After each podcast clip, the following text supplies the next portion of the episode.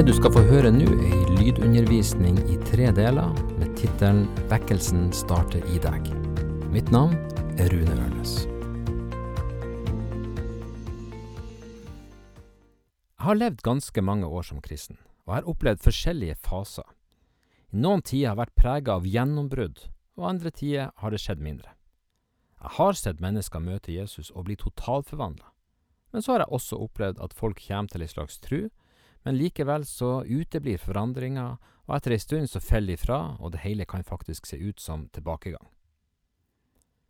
Men til tross for sånne erfaringer, ja kanskje akkurat på grunn av dette, har jeg mer enn noen gang før en sterk lengsel etter en dypere erfaring av Guds kraft.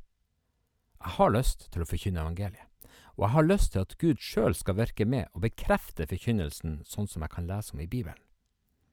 Og den samme lengselen, den håper jeg og den regner jeg med, ligger dypt i de aller fleste av oss som vil være disipler av Jesus. Dessverre så er det mange som har hatt litt negative erfaringer med evangelisering. Det kan ha vært mange forsøk, men med lite frukt.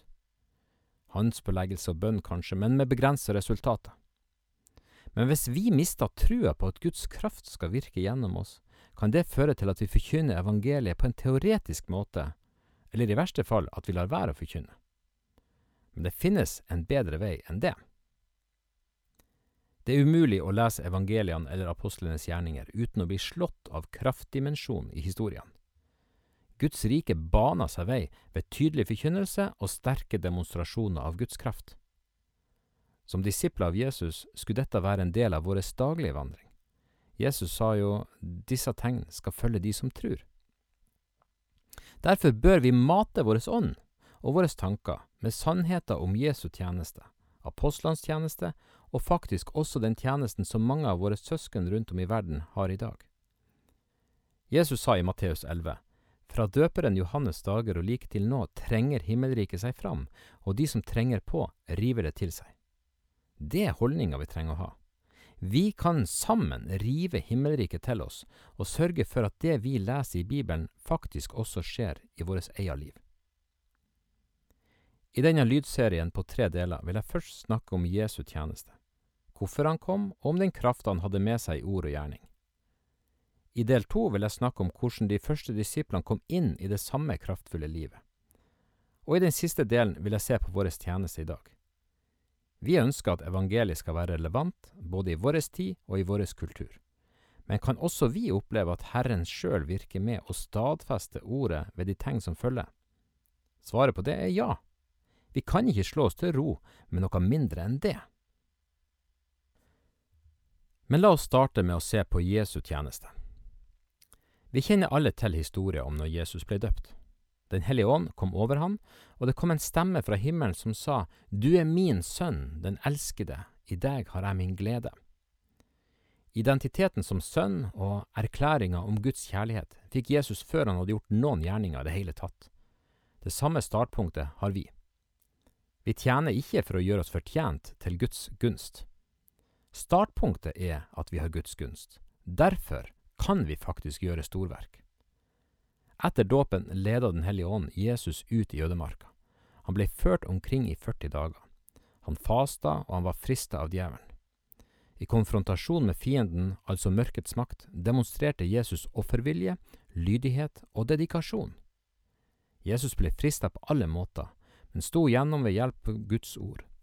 Så vendte han tilbake til Galilea. Jesus hadde stått djevelen imot, og var nå klar for å sette mennesker fri fra Satans makt og innflytelse. Jesus kom inn til Nasaret, byen han hadde vokst opp i. På sabbaten tok han turen inn i synagogen, akkurat sånn som han alltid hadde gjort. Det hadde begynt å gå rykter om at noe ekstraordinært var på gang gjennom Josefs sønn, og spent rakte de bokrullen til Jesus. Jesus lot blikket gli over den kjente forsamlinga. Alle de viktige personene i Nasaret var sannsynligvis på plass, alle de som hadde en stemme av betydning. Jesus åpna bokrullen og fant en tekst som vi kjenner som Jesaja 61, og han leste med trygg stemme. Herrens ånd er over meg, for han har salvet meg til å forkynne et godt budskap for fattige. Han har sendt meg for å rope ut at fanger skal få frihet og blinde få synet igjen, for å sette undertrykte fri og rope ut et nådens år fra Herren. Teksten var kjent stoff for tilhørerne, og samtlige stirra spent på Jesus for å høre hvordan han ville kommentere teksten. Jesus fortsatte helt enkelt. I dag er dette skriftordet blitt oppfylt mens dere hørte på. Litt av en proklamasjon. Rett foran forsamlinga av kjentfolk slo Jesus fast at denne eldgamle teksten var mynta på han. Herrens ånd var over han, Jesus, sønn av Josef og Maria. Han, Jesus, var salva til å forkynne et godt budskap for fattige.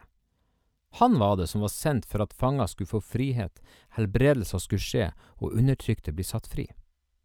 Han var det som var sendt for å rope ut et nådens år fra Herren. Han var sendt som en frelser, en frigjører og utfrier. Og han var kommet for å gjøre ende på fiendens gjerninger. Først fikk Jesus rosende omtale for det han hadde sagt. Men så profeterte han at de kom ikke til å ta godt imot han, ettersom at dette var hans heimsted. Da endra tonen seg drastisk, og snart ble han jaga ut av byen, og de forsøkte å styrte han utfor en skrent. Men han gikk rett gjennom flokken, og deretter var han klar til å starte tjenesten. Den tjenesten som Jesaja hadde profetert om, og som Jesus akkurat hadde referert til. Jesus var klar til å forkynne Guds rike, og parallelt med forkynnelsen skulle det komme en mektig demonstrasjon. Mennesker som på forskjellig vis var bundet av djevelen, skulle bli satt i frihet. Mennesker som var syke, skulle bli friske, og de som var undertrykt av demoniske krefter, skulle bli satt fri. Jesus kom ikke med en selvhjelpspakke, en teori med fem punkt til frihet. Han gikk heller ikke i gang med en rekke forklaringsmodeller på hvorfor folk sleit og hadde det vondt, og la ansvaret for forandring over på de. Nei, Jesus løste lenke der og da. Folk fikk erfare Jesu guddom. Skaperen sjøl kom de i møte og ga de gjenreisning. De fikk erfare frihet, helbredelse og frelse. For hvert menneske Jesus kom i berøring med, mista Satan territorium. La oss lese fra Lukas 4, vers 31–44. Jesus tok veien ned til Kapernaum, en by i Galilea. Han underviste dem på sabbaten, og de var slått av undring over hans lære, for han talte med myndighet. I synagogen var det en mann som hadde en ond og uren ånd. Han satte i og ropte av all kraft. Hva vil du oss, Jesus fra Nasaret? Er du kommet for å ødelegge oss? Jeg vet hvem du er, Guds hellige. Men Jesus truet den og sa, Ti stille og far ut av ham. Den onde ånden rev mannen over ende midt iblant dem og for ut av ham, men uten å skade han. Alle ble forferdet, og de sa til hverandre, Hva er dette for slags tale? Med makt og myndighet befaler han de urene åndene, og de farer ut, og ryktet om han spredte seg overalt i omegn. Jesus brøt opp fra synagogen og gikk hjem til Simon. Her lå Simons svigermor syk med høy feber, og de ba Jesus hjelpe henne. Han bøyde seg over henne og truet feberen, og den slapp henne. Straks sto hun opp og stelte for dem. Ved solnedgang kom alle til ham med sine syke, som hadde mange slags plager. Han la hendene på hver enkelt av dem og helbredet dem. Det for også onde ånder ut av mange mens de skrek og ropte, Du er Guds sønn! Men han truet dem og påla dem strengt å tie, for de visste at han var Messias. Da det var blitt dag, dro han ut til et øde sted. Folk ga seg til å lete etter ham, og da de kom dit han var, forsøkte de å holde han igjen, så han ikke skulle gå fra dem. Men han sa til dem, også i de andre byene må jeg forkynne det gode budskapet om Guds rike. Det er det jeg er utsendt for og han fortsatte å forkynne i synagogene i Judea. Dette var altså det som skjedde rett etter Jesu proklamasjon i synagogen. Han forkynte et kraftfullt budskap i Kapernaum, og folk var slått av undring. En mann med en ond og urein ånd ble satt fri. Han helbreda Simons svigermor som hadde høy feber, og han talte faktisk til feberen, noe som indikerer at det var en personlighet bak sykdommen. Kanskje en ånd sto bak? Alle de syke ble helbreda, og onde ånder for ut av folk mens de skreik og ropte. Så stakk han for seg sjøl, for å ha tid med far, og for å gjøre seg klar for de neste byene. Og dette var bare én sekvens på 13 vers i ett kapittel i ett av de fire evangeliene. Da Johannes oppsummerer sitt evangelium, avslutter han med Men også mye annet har Jesus gjort. Skulle det skrives ned, hver enkelt ting, tror jeg ikke hele verden ville romme alle de bøker som da måtte skrives. Hvilke andre ting gjorde han da? Jo, han reiste opp folk som var nedtynga av dårlig samvittighet og dårlig selvbilde. Han ga de ny verdighet og tru for å vende om og starte på nytt. Bare tenk på kvinna ved brønnen, den kvinna som var tatt i ekteskapsbrudd, og ikke minst på Sakkeus. Så helbreda han horder av mennesker som hadde vært syke over år. Han løfta sykdommen av de og gjenreiste de til å leve livene sånn som de var meint å gjøre. Bare tenk på Bartimeus som fikk synet igjen den lamme mannen ved Betestadammen og den typen som ble firt ned igjen med et hold i taket. Og så løste han demoniske krefter, sånn at folk kunne komme ut i frihet og nytt liv. Bare tenk på den demonbesatte ved gravhula, den kvinna som hadde en sykdomsånd og hadde vært bundet av Satan i 18 år, eller den lille månesyke gutten som stadig havna i ilden og i vannet. Paulus beskrev dette senere med en god oppsummerende setning som vi finner i Apostlenes gjerninger 1038. Jesus fra Nasaret ble salvet av Gud med hellig ånd og kraft, og han gikk omkring overalt og gjorde vel og helbredet alle som var underkuet av djevelen, for Gud var med han. Det kan vel ikke være tvil. Jesus kom for å sette mennesker i frihet, der og da. Dette var den praktiske konsekvensen av at Guds rike var kommet nær. I Lukas 11 kan vi lese om at Jesus fikk kritikk og anklager knytta til sin tjeneste. Det kom påstander om at han drev ut onde ånder ved hjelp av Belsebull. Dette avviser Jesus enkelt, og så fortsatte han med. Men er det ved Guds finger jeg driver de onde åndene ut, da har jo Guds rike nådd fram til dere. Guds rike bana seg vei gjennom Jesu tjeneste. Det skjedde ved Guds egen finger. Pappas finger en sterk autoritetsfinger som satte ting på plass, helbreda, justerte, satte fri og gjenreiste mennesker. Guds rike og Guds finger. Det måtte være en formidabel opplevelse å være i Jesus sin skåd. Overalt han gikk, ble mennesker forandra. I en fase var Jesus nok den største rockestjerna i hele Israel, til manges store fortvilelse. Å være en av hans disipler måtte være helt fantastisk. Å sole seg i glansen, det er et vanlig uttrykk.